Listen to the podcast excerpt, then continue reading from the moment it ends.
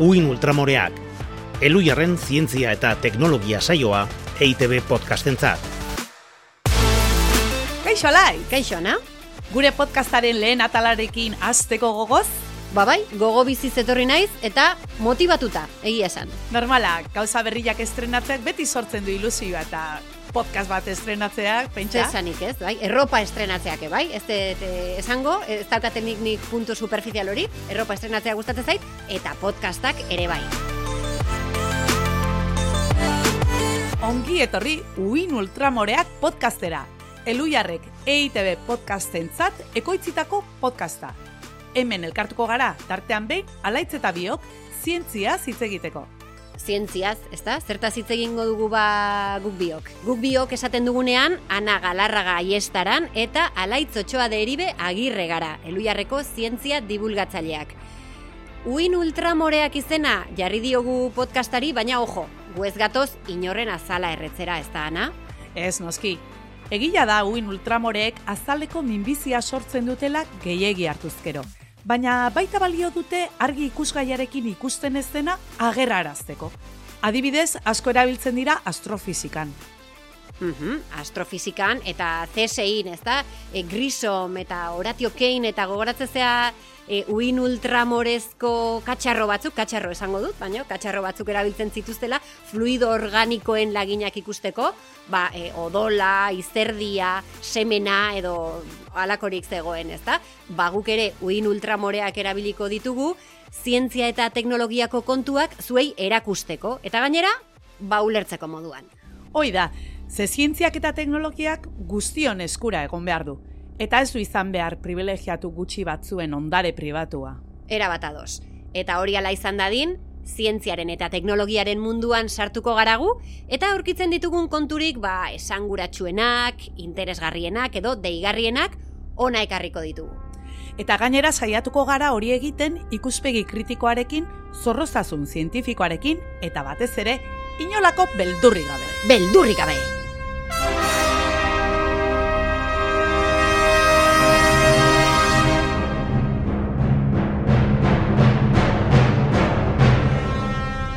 Tira ba, aurkeztu dugu zertaz doan gure podcast berria, uin ultramoreak, eta e, hemen egingo dugun lehenengo gauza, izango da gaurkotasun zientifikoari erreparatzea. Beraz, albisteekin hasiko gara. Albizpeak, Eta zoaziko altzea. Venga, bai ez, beldurri gabe esan dugu. Beldurrik gabe ez pentsa, ez? Ze albiste hau baten bati beldurra emateko modukoa da.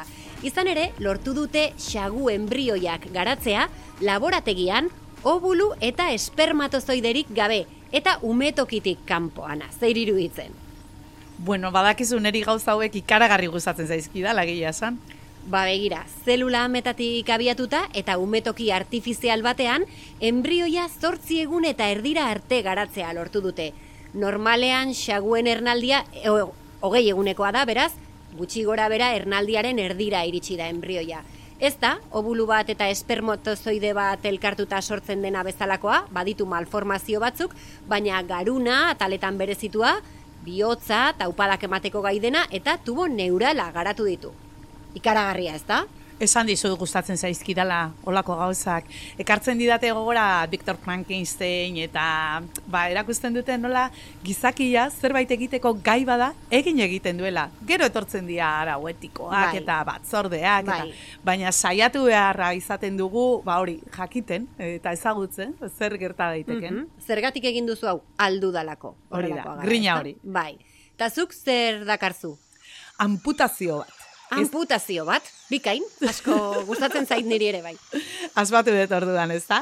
Ba, amputazio hau, e, da, pentsa, ezagutzen den amputaziorik zaharrena. Borneoko kobazulo batean duela hogeita hamaika mila urteko eskeleto bat aurkitu dute. Eta zer eta ezkerrankaren eren bat amputatuta dauka. Eta ez da mm, hankazati hori galdu zuela bazakit, pizti bat egan edo izan zuelako istripuren bat eta arroka batek zapalduta edo ez ez ez. Ikusten da argi eta garbi ebakita dagoela naita Eta ez hori bakarrik. Alegia barkatu, ez dauka inoren hortzen markarik Ez, edo hori nola jakiten dau amputatu egin zuten. garbi dago moztuta. Bai, bai, garbi dago moztuta, eta gainera, zaindu egin zuten gero bizirik jarraitu Ah. Eta horrek ere asko esaten du, ba, zeuzkaten medikuntza ezago, ezagutzari buruz, ez da? Pentsa, ba, zerrexa izango zen infektatzea, eta ez, lortu zuten, ba, hori, ba, zaintzea sendabelarren bidez, pentsatzen dut, eta gero ere, hankamotz ibiltzea, oianean oso errazatzen izango, eta hala ere, urte luzez bizi izan duzan, operatu zutenetik aurrera, ba, beste amar edo amala urte bizi izan duzen. Mhm. Ba, asko esaten du taldeari buruz, ez? Bai, gainera pentsatzen dut albiste hau aukeratu dezula hain zuzen horregatik, ez da? Batetik, ba, mm, oso medikuntza garatua zeukatelako, behar bada pentsatzen genuena baino gehiago, baina baita ere, ba, taldekideekiko empatia erakusten duelako, ez da? Individu hori aulagoa izan da ere, ez zutelako atzean utzi. Hori da, eta nola badu joera pentsatzeko garai hartakoa bagu baino primitiboagoak eta basatiagoak eta izango zirela, ba batetik hori ikusten da teknikak eta ze garatuak zituzten, Oain da lehun urtera arte ere operazioetan hil egiten zen jendea, gehienetan infekzioengatik edo odolustuta. Eta Mhm. hauek balortu zuten pertsona hori aurrera ateratzea eta gerozuk esan duzuna, ez? Ba, empatia eta talde izaera, ba, bazutela komunitatean zaintzen zutela bata bestea. Mhm. Egia da, historia aurreko pertsonetaz baditugula e, estereotipo batzuk, e, eta gu ba, hemen horretarako gaude, ezta? Besteak beste estereotipoak hausteko. E, albiste gehiago baditugu, eta oraingoan teknologiko bat aukeratu dut. Airetik hidrogenoa sortzeko sistema bat asmatu dute. Badakizu orain denok gaza eta petroleoa ez diren ba, energia iturri berrien bila gabiltzala, eta etorkizuneko energia bilatzeko lasterketa horretan, ba, hidrogenoa ere bere leku hartzen ari dela gasaren ordezko gisa. Kontua da gaur egun munduko hidrogenoaren euneko laurogeita amabost, ia dena, iturri fosiletatik datorrela, batipat gas naturala eraldatuta eta neurri txikiagoan ba ikatza gasifikatuta ekoizten da. Baina badago hidrogeno berde esaten zaiona eta hori, behar bada, aituko zuten, gure entzulek, hidrogeno berde kontzeptu hori, e, uraren elektrolisiaren bidez lortzen da. Alegia, elektrizitatea aplikatzen da ur molekulak apro, e, apurtzeko eta hidrogenoa oksigenotik bereizteko, ez da? Gogoan daukagu, zer da ura? H2O, nik formula kimiko bakar bat baldin badakit, horixe da H2O, ba H eta O banatzen dira, eta H aprobetxatu egiten da energia sortzeko. Kontua ez alda hori egiteko elektrizitate asko behar izaten dela. Bai, hori egia da. Eta gainera puntualizatu beharra dago, hidrogeno horri berde abizena jarri alizateko, elektrolisian erabiltzen den argindarrak jatorri berriztagarrikoa izan behar duela, eh? ba, eguzkitik edo aizetik etorria. Berrikuntza non dago e, Melbourneko ingenieri kimiko hauek, elektrolisia airean bertan egiten duen tresna bat sortu dutela, urik gabe, eta Nature Communications aldizkarian argitaratu dutenez, baten batek Nature Communications zera joan nahi baldin badu jatorrizko albistea irakurtzera, eremu lehorretako airearekin ere funtzionatzen duela, ez bakarrik ba gurea bezalako giro ezeetan, ez da? Ondo, ondo do, eh? E, zaiatzea ba, beste lekutara ere iristea, ba, gero eta zaiagoa izango delako ura lortzea, bezak beste, ez? Altxor urdina deitzen diote, baina mm, hor badauka kontutxo bat eta da azken finean horrelako albistak ematen dituztenean ematen du horrek salbatuko gaituela krisitik, krisi energetikotik, baina claro, krisi energetikoa ez da bakarrik. E, ze energia erabiliko dugun, bada hor krisi ekologiko sakonago bat. Zenbat eta nola erabiliko dugun, Bai, ezta? eta zertarako, eta bai, e, ondo dago energia iturri alternatiboak garatzea, baina ez ote genuke pentsatu behar nola egin energia gutxiagorekin bizitzeko. Hori da. Izan ere energiarik onena erabiltzen ez dena. Ez. Ana? Oso ondo. E, zuk badaukazu beste zerbait? Ai, bai, badauka batola pixkat ja- jarri nahi izan dramatika, ez da? Ba, pixkat aldatu du nahiko nuke, eta zupaltzenekien iargiaren alde ezkutuan beirazko perla gardenak topatu dituztela. Ara, politak dira, Oso. nire soineko berriarekin eta podcast berriarekin kombinatzen dute? Bai, bai, bai, eta belarritako batzuk egin ditzazkezu, edo Ah. nik zer Mhm. Zer da, ba, senyora bat perlari gabe, ezta? Hori, hori, ba, ilargian badaude politazkoak. Mhm. Ez kontua da, beitu. Han badabi YouTube izeneko zunda txinatar bat argazkiak ateratzen eta esploratzen ilargiaren alde ezkutua. Azken finean, ilargiaren alde ezkutuan, oraindik ezak izakia izan. Bakarrik eh, ikusten dugun alderdi horretan. Ja. Eta orduan, bueno, ba, zunda honek ateratzen dituen bertako irudiak, balio handikoak dira, ba, orain arte zeuden guztiak satelite bidez hartu dituztelako. Eta hain gertutik aterata eta hainbesteko bere izmenarekin, ba, klaro, horrela bai topatu izan dituztela perla garden hauek. Baina bere ostra eta guzti? Ez, ez, bakarri eh, Bueno. perla. Bai, bai, bueno, eta perla deitu diote, baina bere zia eh, pustarri edo kanika hoietakoak, eh? Aha.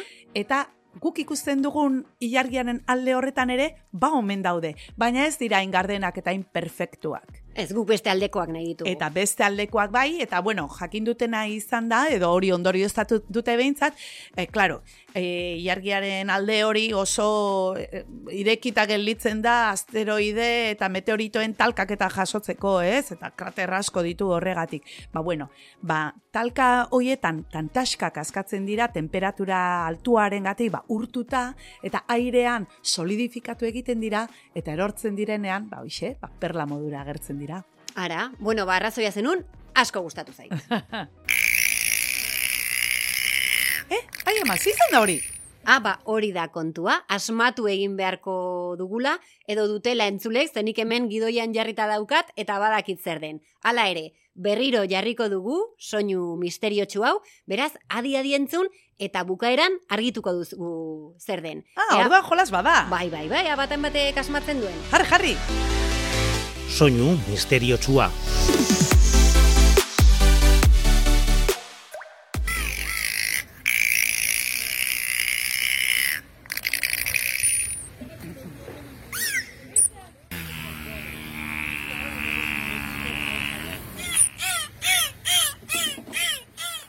Ba, gero argituko dugu zer izan den hori. Izan ere orain, uin ultramoren txanda da. Uin ultramoreen begirada.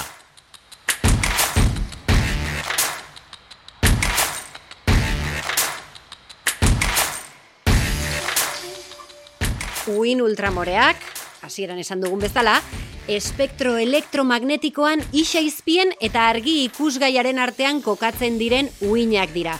Eta hortxe ibiliko gara ere, ba, azalpen sakonago bat eskatzen duten gaiak, ba, denon begibistara ekartzen, ezta? Adibidez, adimen artifizialaren bitartez egindako artea. Artea da? Lan horiek eskuz egindakoak bezain unkigarriak, iradokitzaileak, originalak, hitz batean artistikoak iruditzen zaizkigu? Galdera horiek, e, pentsatuko duzuen bezala, ez zaizkigu guri Ez. bakarrik bururatu, ez da handia dago hor zehar, ez da? Twitterren alegia. Twitterren noski, eztabaidatzeko gune ofizialean. E, ilustratzaileak beldur dira lanik gabe geratuko ote diren adimen artifiziala darabilten irudi programen erruz. Lehen ere itzultzaileek, izan zuten beldur hori, itzulpen automatikoak lanik gabe utziko ez ote zituen. Esan behar dugu, ez ez. e, eta lokutoreok ere, ba, bueno, ba, ditugu gure errezeloak ahots sintesiarekin, ez da? Du- Ezinezkoala, hitz ez, ez, zure ahotsa. nire ahotsarekin eh, esan Errepika ezina. Ateak isten, cierre de puertas. Nork esango du, guk baino hobeto. Ba, ez dakit, ba, makinak gero eta hobeto esaten dute. Bai, bai, egia. Makina hoiek gero eta hobeto egiten dute. Adibidez badaude, irudi bankuetatik edaten dutenak. Erabiltzaileek esaldi baten bidez esaten diete zer nahi duten, eta esaldiari ondo egokitzen zaion irudia sortzen dute, eskura dituzten irudietatik abiatuta.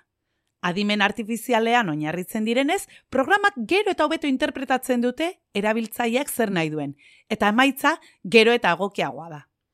Bueno, ez beti, eh? Ni ikusitanago Twitterren baita ere, baten batek agintze ziola adimen artifizialean oinarritutako sistemari irudikatzeko izokin bat errekan gora igeri egiten, eta bakizu ze agertzen uretan, e, izokina bai, baina xolomotan. Garbituta hola, bai, bai. Bandejan sartuta. Bai, bai, grazia zeukan, eh? Ez dakit, igeri egiteko gaizela pentsatzen zuen, horan xolomo. Horrekan bera jugo baina goranek ez. Egia da, bera joango zan. E, ala ere, gauza zoragarriak egiteko ere gai dira. Pentsa, nazioarteko lehiaketa batean, tipo batek irudi digitalen kategoriako lehen saria irabazi du adimen artifizialaren bidez egindako lan batekin. Eta polemika, ba hor dago, hau txakarro ditu. E, karrera maierako sari bat irabazi dezakezu rinkon del bagotik ateratako lan batekin, mm, adibide ona da edo ez daka zer ikusirik. Bai, bai, bai, bada ona, baina egia da, eh? horrelakoa da, adimen artifiziala praktikoa ere bada. Adibidez, Euskarazko Wikipediarako horrelako programa batekin sortu dituzte, Euskal Herriko pertsonaia mitologikoen azalpenak osatzeko irudiak. Mhm. Eta egia da horre baduela, eh, arrisku bat. Eta gauri ere komentatu genuen, baina, claro, lehendik dauden irudietatik abiatzen direnez, homogeneizatzeko eta globalizatzeko joera dute. Mm, Danak esan dira pixkat Disney o pixkat. Mm, Bai, lehendik dauden isuriak da. indartu egiten dituzte, ez da? E, funtzionamenduak baldintzatzen du. Adibidez, ingeniari esan da, gizon bat irudikatzen dute. Emakumezko ingeniari bat nahi izan ezkero, zehaztu egin behartzaio. Emakumezko bat nahi dut. Bai, Bai. Zergatik, ba, irudi berriak sortzeko aurreko irudiek komun dituzten puntuak bilatzen dituelako, adimen artifizialak, adibidez, nik zaldi bat marrazteko eskatzen badiot, sistemak zaldien irudiak bilduko ditu, eta ondorio estatuko du, lau hanka dituztela, bustan luzea, horrela flekilo dotore bat, ezta? Eta aurkitzen dituen argazki gehienak, zaldi zurienak badira, bazuriz margotuko du zaldia. Eta orduan, nola ez da ba estereotipoetan eroriko. Hori da, eta gainera zaldia izango da ziur, eta ez behorra. Mhm. Ba beste adibide bat. Carlos Santana divulgatzaileak proposatutakoa. Kuadro ospetsu baten izena eman eta adimen artifizialaren bidez zabaldu egiten du, hau da zoom out moduko bat egiten du, eta ertzak osatzen ditu margolanaren ikuspegi zaba- zabalago bat emanez. Mhm, Eta hemen era emaitza harrigarria da, eh? Benetan ematen du mm, margolariak berak egin duela eh, kuadroari falta zitzaion zati hori, ez da? Adibidez, las meninaseko pertsonaien inguruan zer gertatzen ari zen ba irudikatzeko aukera ematen du, ez da? Ba, ba morboso xamarra da, ez da? Bai, bai, bai, bai, nire ustez bai. Las Meninasen kuadroarekin ez hainbeste, baina beste kuadro batzutan hor ertzean zer dagoen gustora jakingo nuke. Mhm. Batira, guazen lehenengo galderara. Adimen artifizialaren bidez egindako artea. Artea da? Ez zaizue ezaguna egiten galdera.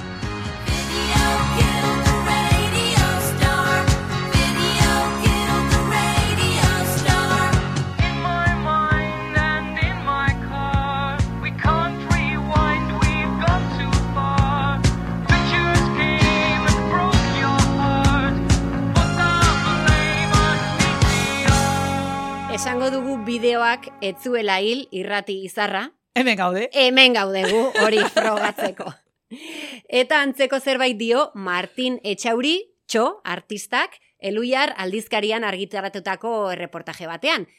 Adimen artifiziala tresna bat dela, baina atzean ez badago hori gidatzen duen artista bat, ba ez dagoela emaitza artistikorik. Eta oso baliagarria iruditzen zaio hori bai, bestela bururatuko etzitzaizkizun irten bideak edo aukerak proposatzeko. Hori da, eta gehiago ere esaten du, eh? Esaten du, artistek betitik erabili dituztela baliabideak ideia berriak provokatzeko. Adibidez, ba, droga psikotropikoak edo zorizko jokoak, ba, dadoak botatzea, adibidez. Mhm. Baina hori alde batera utzita, badago beste kontu bat, eta da, hartzaileak nola jasotzen duen artelan hori. Alegia, berdin baloratzen dugu lan bat, pertsona batek eskuz egine izan, ala adimen artifiziala darabilen programa batek sortua izan?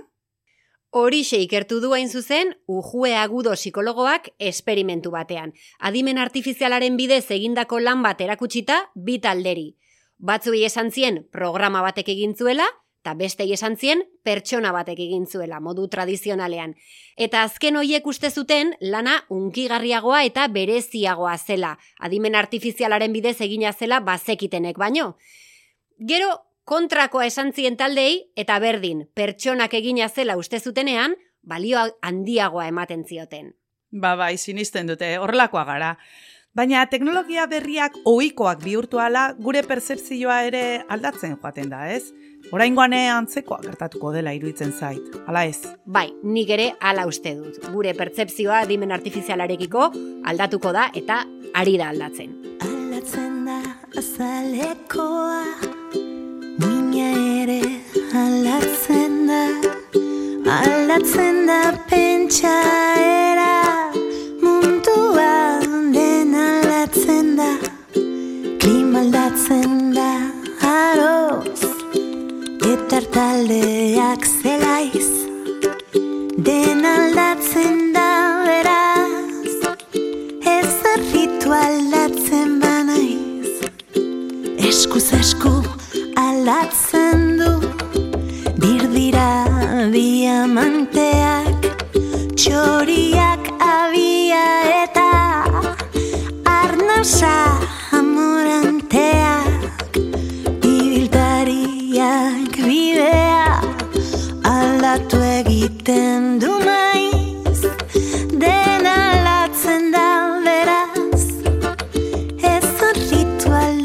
aldatzen banaiz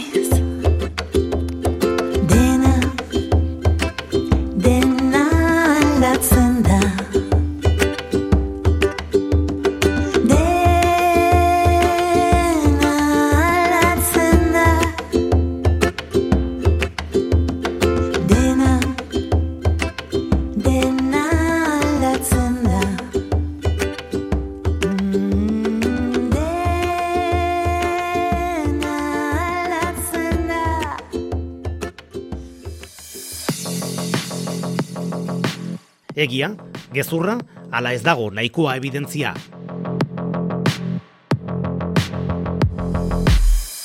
Ekin diezaiogun nire atalik kutxunenari. Egia, gezurra edo ez dago nahikoa evidentzia. Hori askotan gertatzen da zientzian, eh? ez pentsa hola zientzia egia absolutuak lortzen dituenik beti. Ba, azkenean, en, egia da beste evidentzia batek atzera botatzen ez duen bitartean. Hori da. Orduan, Eh, bueno, gehienetan ez da egoten nahikoa evidentzia, baina ikusiko da. Egia deituko diogu oraingo egiari. Hoixe. ezta? Eta nik ekarri dut lehenengo esaldia, zuk asmatzeko egia den ala, gezurra den ala ez dagoen nahikoa evidentzia. Ba, Zuk esango didazu. Zebrak, beltzak dira marra zuriekin. Egia, gezurra, ala ez dago nahiko evidentzia. Harrapatu nauzua, banekien nike. E, e, guen ez, ez burura etortzen. Bit, epa ezakit? Venga, esan ezazuk.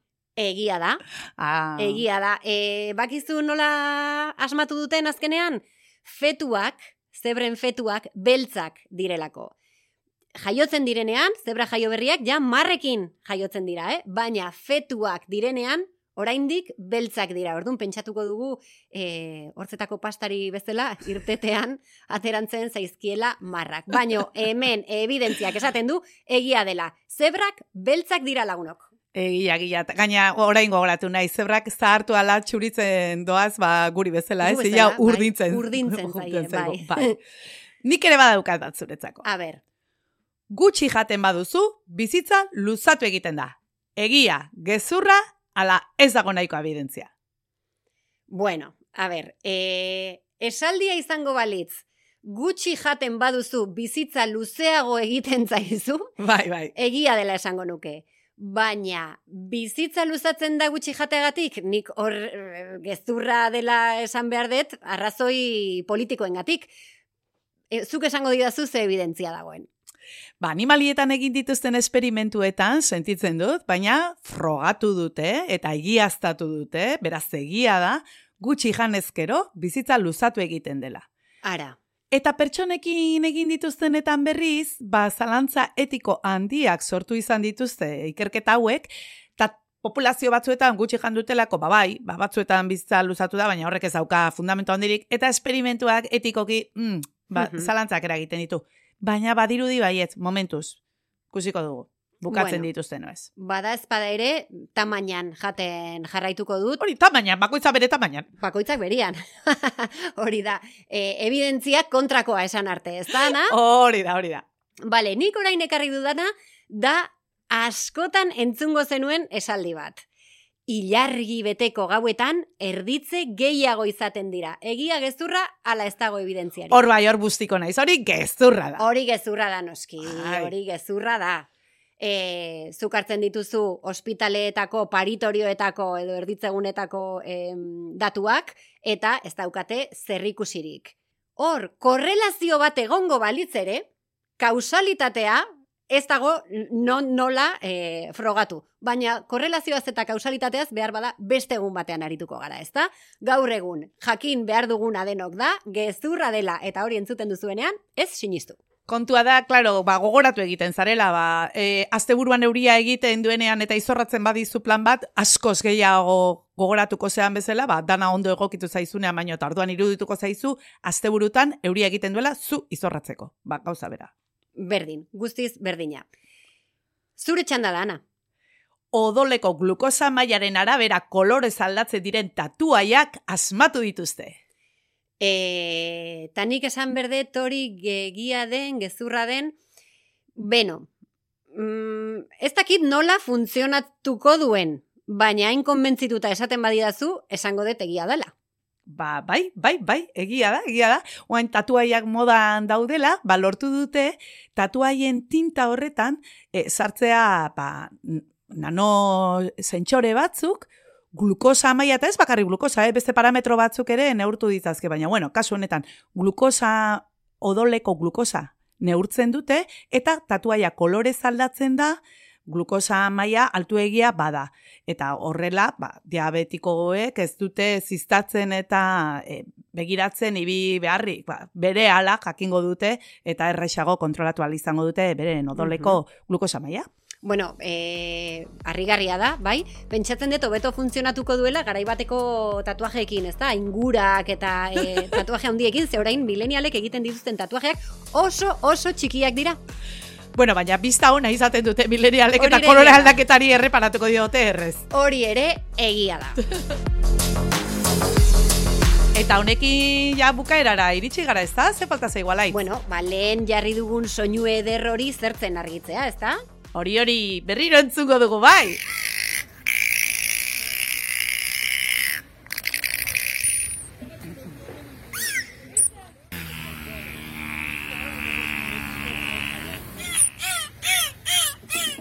Bueno, ba, behar bada asko kasmatuko zenuten, baina izurden hotxak dira komunikatzeko erabiltzen dituzten soinuak. Erraza zen, ez da?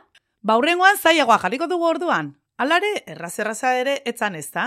Egia da etorkizunean igual izango dela errazagoa.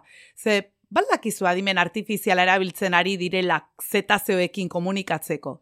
Abai? Bai, dagoeneko badaude programak ahotsaren itzulpen automatikoa egiten dutenan. Ba, imaginatu, koreara zoaz. Ba, sistema horrekin, zuk euskeraz hitz egiten duzu, hangoek entzuten dute korearrez, eta haie korearrez hitz egindakoan zuk euskeraz entzuten diezu. Bueno, ni koreara baldin banoa, nik euskaraz hitz egingo diet noski, e, koreera oraindik e, nahiko berde daukadalako. Ba hori, ba, sistema berbera ari dira garatzen zetazoekin horrelaxe komunikatzeko. Alegia guk hitz egingo dugu gure hizkuntzan eta haiek entzungo dute haien hots sistema horretan. Mhm. Zer esango zenioke zetazeo batiana? Ez, nik alderantzizkoa nahi dut jakin. Nahi dut jakin zer ari diren esaten, oraintxe bertan. Gu handik. Bai, bai, guri, guri. Bai, bai, bai. Bueno, ba, pakean usteko, ez Bai, botatzeko hainbeste pentsatzen. zerrikeri itxasora, ez da? Bai, E, ontzien motorrak ez traba egiten diegula. Bueno, Bai, bai, denetik, denetik. Horre salten Simpsonen kapituluren batean zerbait. Ah, bai, bai, behin itxasoan galdu ziren, Homer eta bere lagunak, eta izurde batzukin topo egiten zuten, eta esaten zuten, oh, beti marinelei laguntzen diete, eta izurden, izurdeek esaten zuten, hil egingo zarete! Ikusten, ikusten. Bai, bai, bai. Igual hobez bali badute orain behintzat asmatzen sistema hori, komunikazio sistema hori bueno, bestela. eta asmatzen dute entzungo du, zer daukaten esateko. Vale, ados. Bueno, ba, hau izan da guztia, gaurkoz, ezta? Hemen, bai, hemen aritu gara, Ana Galarraga iestaran, eta ni neu, alaitz otxoa de eribe agirre, elujarreko zientzia divulgatzaileak, eta egoitz etxebeste adurizek egin du edizioa. Saio hau eta ondoren etorriko diren guztiak, EITB podcast atarian aurkituko dituzue, baita gustokoen duzuen audio plataforman ere. Eta bonus traka ere badaukagu, eh? Zientzia.eu zen ere izango dituzu saio guztiak entzun gai. Eta gai hauetan gehiago sakondu nahi baduzue, eduki askoz gehiago ere baduzue antxe eskura. Bueno, Ana, ba, orain bai, bukatu dugu lehenengo atala. Ba, primeran, ni badauzkat proposamenak bigarren gorako. Ba, gustora entzungo ditut, ze gauza asko daude mundu honetan, uin ultramoreen argia behar dutenak, ezta? Hori da. Orduan, urrengora arte, Aio! aio!